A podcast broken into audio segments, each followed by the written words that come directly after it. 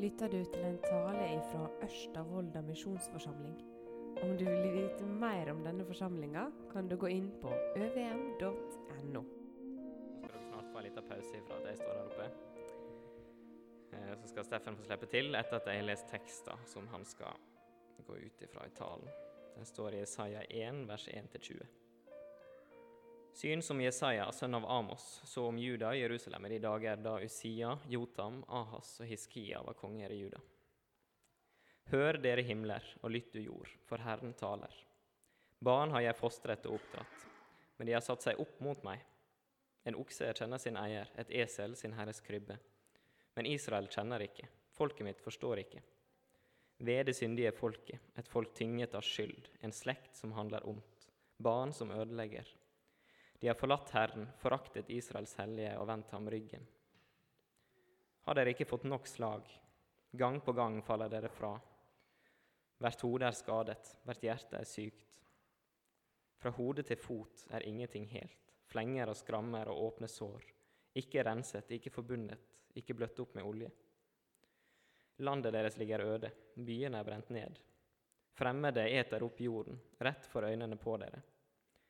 Det er øde som de fremmede har ødelagt. Bare datter Sion er igjen, som en løvhytte i en vingård, som et vaktskjul på en agurkmark, som en beleiret by.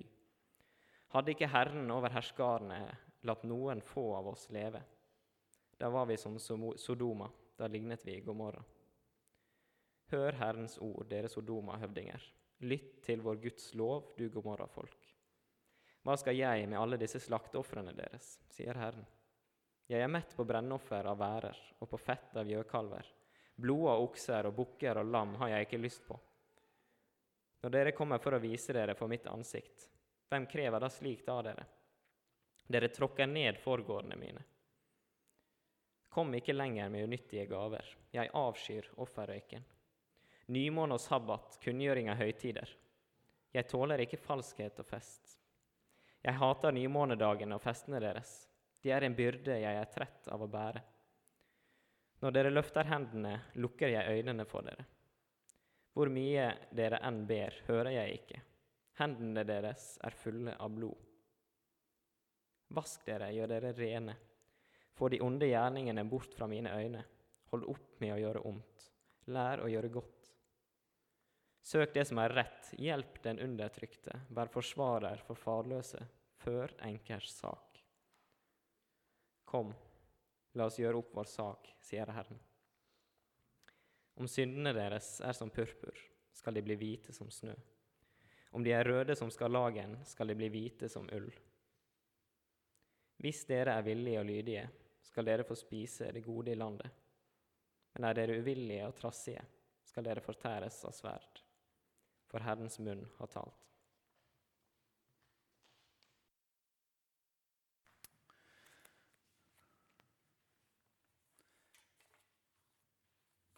Tusen takk, Sven Joar, for at du leste teksten. De siste versene der så tror jeg det er ganske mange av dere som eh, er kjent med, men de står i en sammenheng. Og det er Det er noe som gjør at vi forstår teksten enda bedre. I noen eh, søndager når jeg skal tale, så har jeg lyst til å ta fram noen sentrale tekster fra Jesaja. For Mens jeg har holdt på å lese den boka, så ser jeg at det, det er ei bok som tar tak i noen tidløse emner som strekker seg helt ifra den tida og er veldig aktuelle i dag.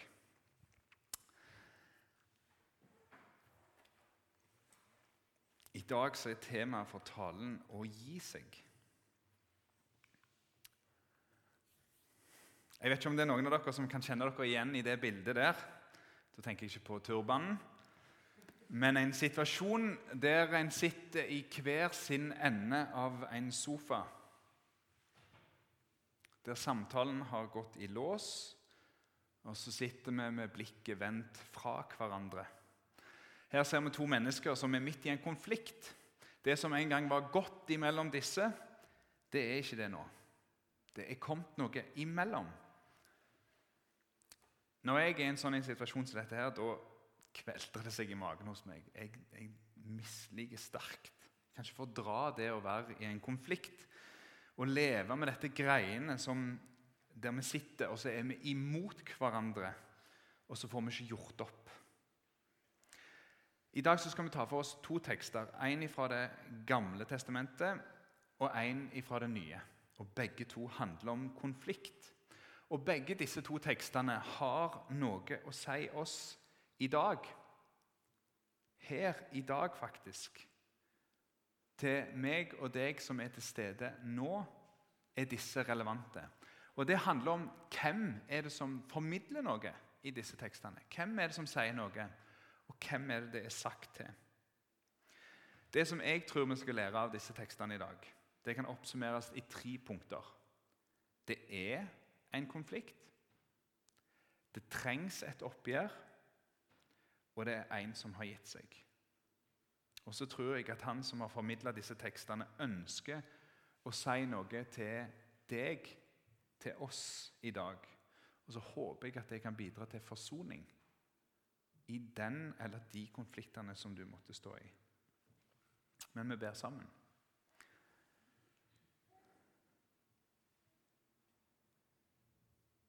Vi ber om at du må vise oss noe fra ditt ord som, som trenger seg inn i vår hverdag, inn i vårt liv med deg og inn i vårt liv med våre og i de relasjonene som vi står i. I Jesu navn. Amen. De som Jesaja snakker til i dette kapitlet, det er Israel. Israelsfolket, eller nærmere bestemt Juda, Sørriket. Og Israelsfolket er et helt spesielt folk. og så skal jeg ikke ta hele historien, Men la oss se litt på hvem de er. Det er et folk som har opplevd utrolige ting med Gud. Det begynte med Abraham, og så kom Isak, og så kom Jakob. Og så fikk Jakob tolv sønner. Og så på et tidspunkt så var israelsfolket slaver i Egypt. Men det var ikke sånn det begynte i Egypt. Når israelsfolket først kom til Egypt, da var det fordi Gud hadde berga dette folket som Messias. Hans sønn skulle bli født i. Han hadde berga det ut fra en hungersnød, og så ble det berga i Egypt gjennom Josef. Men så skjer det noe. De ender opp som slaver. De er slaver under farao, og de er fanger i 430 år. Det er en ganske lang periode. I 430 år så er de slaver. Og så, gjennom noen av verdenshistoriens mest og største maktdemonstrasjoner fra Gud, så blir israelsfolket befridd ut fra Egypt. Han redder dem igjen. Han fører dem ut gjennom vann, gjennom ørken, gjennom ødemark, og så leder han dem til landet. Hvis du leser i Det gamle testamentet, så vil du se at landet er et kjempeviktig tema. Og så velsigner Gud de der, i deres land. Han forsørger de. Han tar seg av de. I ødemarka på vei til dette landet så puster Gud sin vilje til de på en helt spesiell måte. Så får de vite Guds vilje, Guds lov, der Gud beskriver hva som er godt for mennesket. Der Gud både eh, sørger for å begrense urett og stimulere til rettferdighet. Han gir de gode rammene for livet. Han legger opp til at barn skal få vokse opp med begge foreldre. Der kriminelle handlinger blir straffa, men ikke uten en rettferdig rettssak. De som var fattige, de ble tatt vare på. Folk karra ikke bare til seg, men de lot noe være igjen til de som ikke hadde noe. Om deres fattigdom var selvforskyldt eller ei. Vi kan gjerne henge oss opp i noen spesielle lover i 3. og 4. Mosebok når vi leser der. Men hvis du på en måte zoomer litt ut, og så ser du på hva som blir sagt, og så kan vi spørre oss hva hadde skjedd, hvordan hadde samfunnet sett ut hvis ikke Jesaja hadde pekt israelsfolket ut i denne retningen? Den Gud som skapte verden, han visste hva denne verden var skapt til, og hva som var godt for ham. Og Så visste han òg at vi mennesker som var skapt i hans bilde, vi har et behov og et ønske om å bestemme sjøl og styre vårt eget liv. Noen ganger bare fordi at ingen andre skal gjøre det. i alle fall. Og så tenker vi at vi vet best. og På et vis så kan det være at vi vet best hva som er best for oss. Men Gud han hadde et høyere blikk, der det ikke bare gjaldt den enkelte israelitt, der det ikke bare gjaldt meg og deg, men et helt folk, en hel menneskelighet. Og så står det her Barn har jeg fostra og oppdratt, men de har sett seg opp imot meg. En okse kjenner eieren sin, et esel krybber til herren sin. Men Israel kjenner ikke. Folket mitt forstår ikke. Ca. 600 år etter at Israels folk har blitt fridd ut fra Egypt, så deler Jesaja dette budskapet men det, med den som måtte finne på å høre på. Det ble ropt ut fra himmel og jord, leser vi i vers 2. Dette folket som Gud hadde berga, israelsfolket, de har nå mindre kjennskap til sin herre og skaper enn en okse og et esel har til sin herre. De dyra de vet veldig godt hvor avhengige de er av Herren sin, han som kommer med mat til dem. Men det ser israelsfolket ut til å ha glemt. Og så I noen sånne generelle vendinger så sier Jesaja noe om israelsfolket sine handlinger. Ved det syndige folket. Det er et folk som er tynget av skyld. Det er en slekt som handler vondt. Det er barn som ødelegger. De har forlatt Herren, forakta Israels hellige og vendt ryggen til. Hvis du leser videre i Jesaja-boka, så blir det konkretisert, disse handlingene, ødeleggelsene deres og skylda deres. Israelsfolket de er urettferdige. De undertrykker de svake. Dette gjelder særlig de som er i maktposisjoner. De står i en posisjon der de kan undertrykke, men hele folket får passe sitt påskrevet denne typen urettferdighet. Det er noen som avstår fra å hjelpe de som lider. Og Så kaller de det som er godt, for vondt. Og så kaller de det som er mørkt, for lyst. Lippene deres, ordene de sier, er blitt urettferdige. Det er løgn, det er svik og bedrag. Og alle disse handlingene det er egentlig et uttrykk for at de har forlatt Gud. Han som redda dem, han som berga dem, han som valgte dem ut. De har vendt han ryggen. Og dette er et uttrykk for forakt for Gud. Det er mørkt i Israel når vi leser Jesaja. Og Så ser Gud denne uretten som folket har. Og Så går han til israelsfolket med korreks. Som et far som irettesetter sitt barn. sitt barn. Og Så er det denne måten Gud vil vekke opp israelsfolket fra den der urettferdige nummenheten de utviser. Det leser vi videre om i Jesaja. Gud han lar fiender komme inn som et rop om at dere må vende om. Men folket vil ikke. Og Derfor så blir eksilet det at de blir tatt ut av landet. Det kommer etter hvert inn.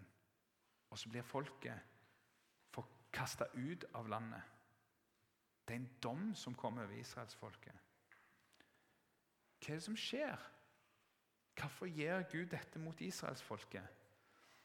Gud han kan ikke både som skaper, konge og far for israelsfolket sitte likegyldig og se på den urettferdigheten som utspiller seg iblant folket. Og her proklamerer Gud til israelsfolket det er blitt en konflikt. Det er en konflikt mellom oss. Og Den beskjeden ser det ut som må invitere seg til israelsfolket. Det ser vi hvis vi hopper videre til Jesaja 1, i Jesaja 1 fram til vers 10.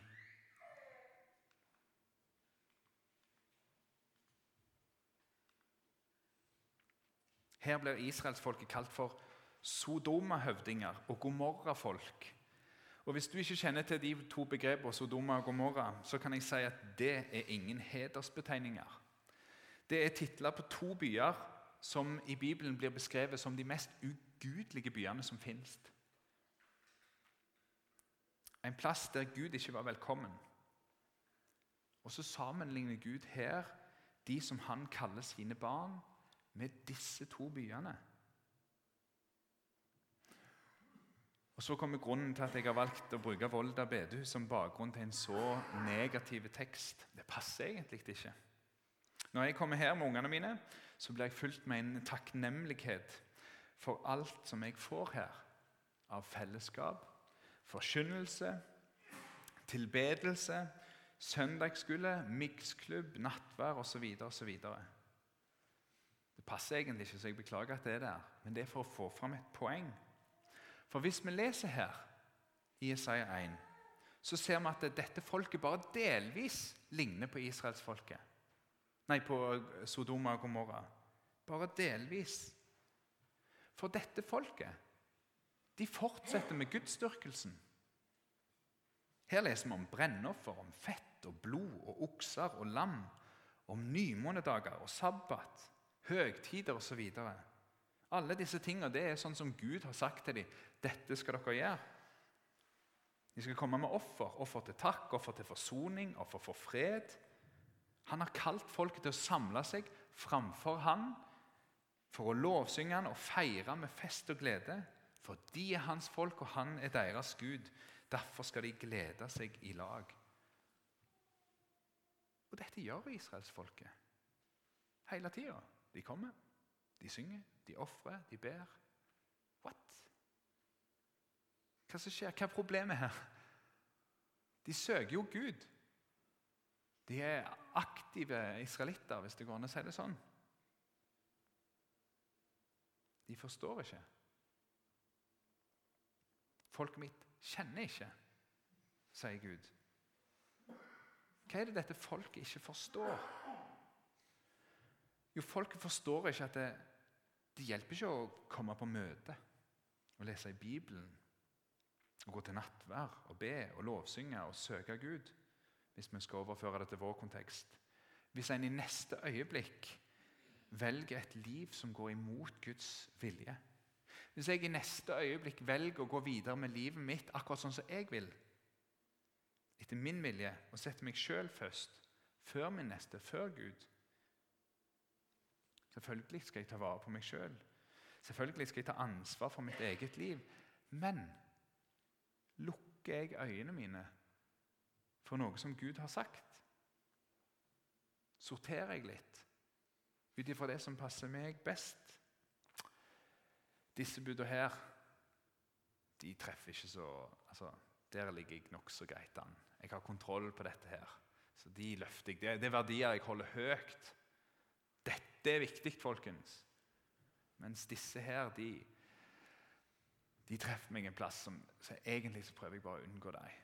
Forholder meg ikke helt til det som Gud har sagt der. Det kan få ligge. Israelsfolket stiller med glede opp med offer, men de lar andre ting ligge.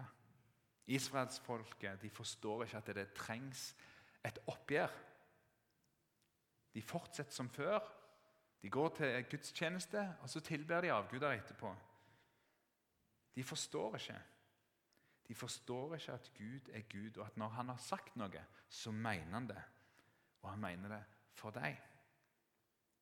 Hold opp med å gjøre vondt. Lær å gjøre godt. Kom til Gud med begge øyne åpne og spør hva vil du lære meg, Gud? Hvor vil du jeg skal gå? Hvordan vil du jeg skal leve? Det trengs et oppgjør. Og Dette, dette gjaldt for israelsfolket med en så lang historie med Gud. Og så kjenner jeg at det er nesten litt sånn kleint å stille de spørsmålene som jeg skal stille nå. Fordi det er så fort, det er så typisk for en sånn vekkelsespredikant. Sant? Det er noen sånne fraser som vi har hørt. Men i dag så er jeg det. Jeg har lyst til å dele disse versene med hver enkelt av dere og spørre i lag med Jesaja Vet du om det er noen vonde gjerninger i livet ditt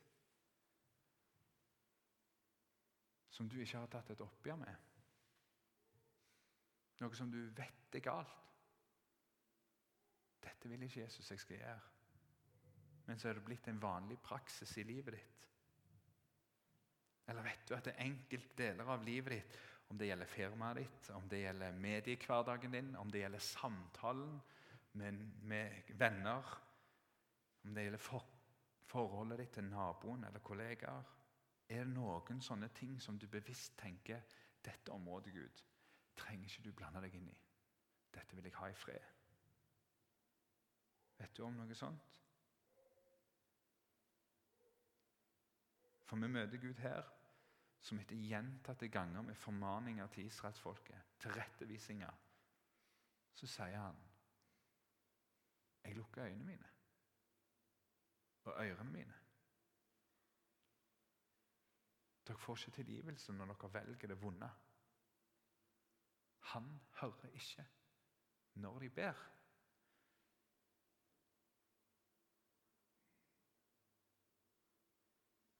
Og I samme åndedrag så sier han, 'Snu dere til meg. Vend om.' Det er en konflikt. Det trengs et oppgjør. Og så er det en som har gitt seg. Er det ikke dette som er det vanskeligste i en konflikt? Å være den som snur seg og sier 'kom igjen'. Kan vi ordne opp? Kan vi bli venner? Kan vi ikke gjøre opp? Når du har opplevd noen som har gjort noe galt mot deg Nå er det mulig det ikke er sånn i deres ekteskap, dere som er gift. Men når jeg har oppført meg som en dust så er det for så vidt enkelt å komme og si, eller enklere å komme og si Unnskyld, kan vi ordne opp? Men når det er Ingunn som har oppført seg som en dust, og det kan faktisk forekomme, det òg Da sitter det ganske langt inne for meg å være den som kommer til hun og sier Kan vi ordne opp? Å være den som senker garden og gir seg. Kan vi, kan vi ordne opp dette her? For du får lyst å bare stå på ditt. Nei. Hennes skyld denne gangen. Denne konflikten som israelsfolket står i, den er ikke som andre konflikter. Gud, han står helt uten skyld. Som Gud, som skaper, som far og forsørger for israelsfolket som israelsfolket sin egentlige konge, som har beskytta dem og tatt seg av dem. Som far til noen barn som har vendt israelsfolket ryggen. Så kommer han der, og så tilbyr han tilgivelse.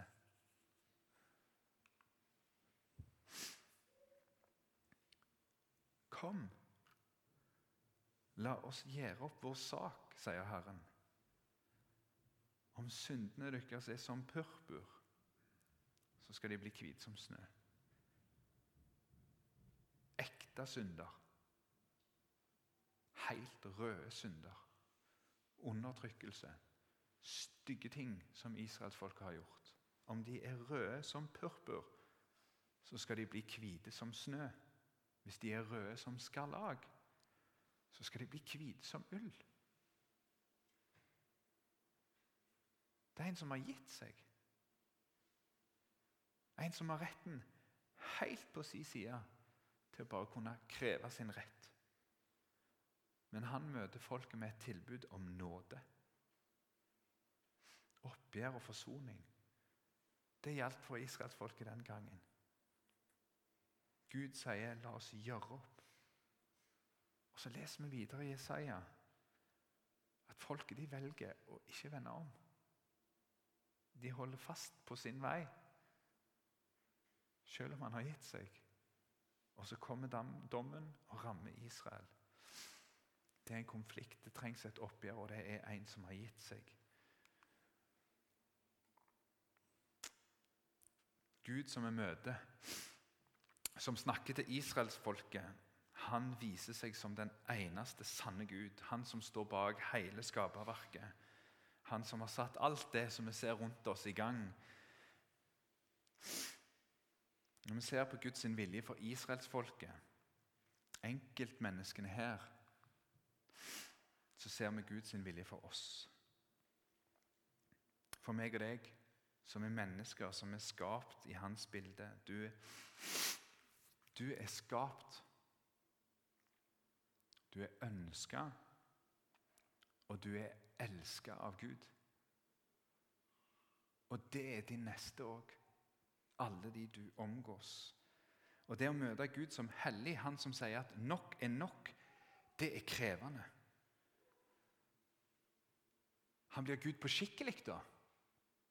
Han blir den som du ikke bare kan flytte på. Han er rettferdig, og han er ikke bare din Gud. Han er Gud for alle mennesker, de neste òg. De som du har gjort noe galt mot, og han tåler det ikke.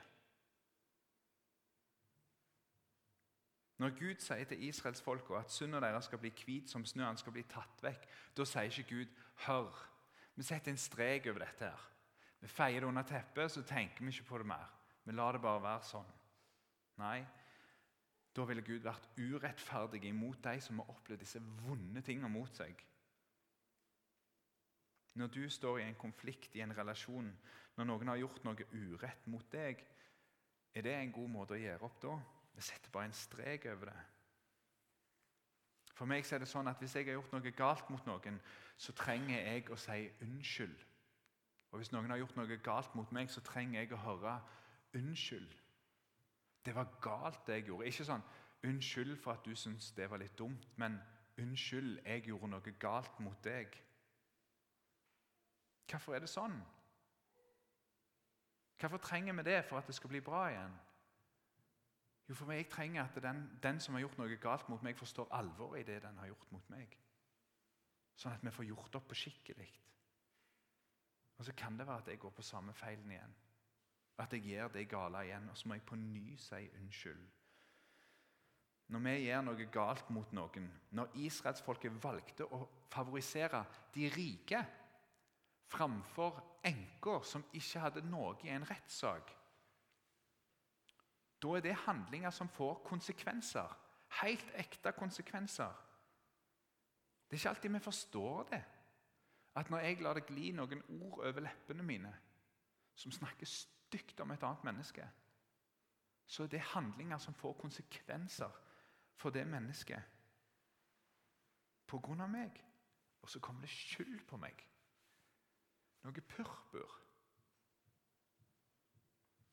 Og Så er den måten Gud gjør opp, større enn vi kan fatte og forstå. Og Det prøver Paulus å forklare de som er i Korint, i 2. Korinterbrev 5, 18-21.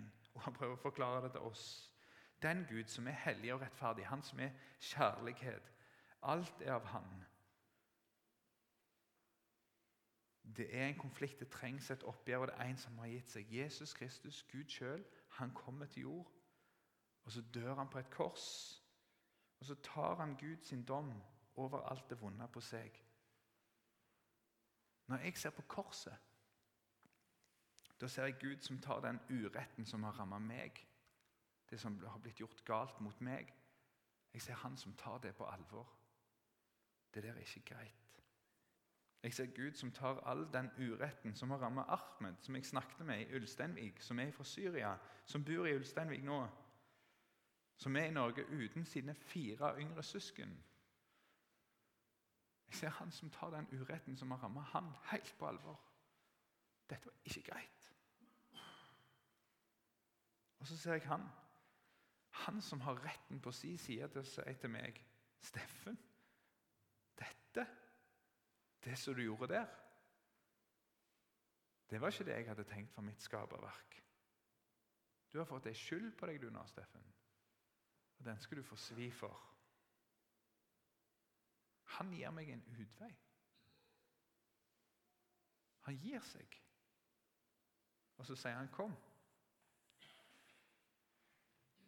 Kom, la oss gå i rette med hverandre. La oss ordne opp. Det som du har gjort, jeg kan ta det vekk. Jeg tar det på meg. Jeg kan ikke bare la det gå, men jeg tar det på meg. Jeg lir det som du skulle ha lidd. Og så går du fri. Dette røde Det blir helt kvitt. Og så står jeg der i en konflikt. Det kreves et oppgjør, og det er en som har gitt seg. Og da kan jeg la meg forsone med Gud. Jeg kan velge å si nei. Jeg vil ikke dette. her. Jeg vil fortsette med det jeg holder på med. Jeg vil gå på min vei. Jeg kan si nei. Jeg har ikke lyst til å være avhengig av noe som noen andre har gjort. Jeg skal fikse det sjøl. Og så står jeg videre i min synd. Eller så kan jeg snu meg til han og så kan jeg si takk. Takk for nåde. Takk for omsorg. Takk for at du snudde deg mot meg og sa 'la oss ordne opp' når det var min feil. Tilgi meg all min skyld. Og så får jeg komme til Han. I bønn, i Bibel, i fellesskap, i nattvær og i tilbedelse av Han. Han som er den største av oss. Han som ga seg først. I takknemlighet. Forsont. Og så er det oppgjort. Det er stort. Ære være Faderen og Sønnen og Den hellige ande, som var, er og være skal en sann Gud fra Eva og til Eva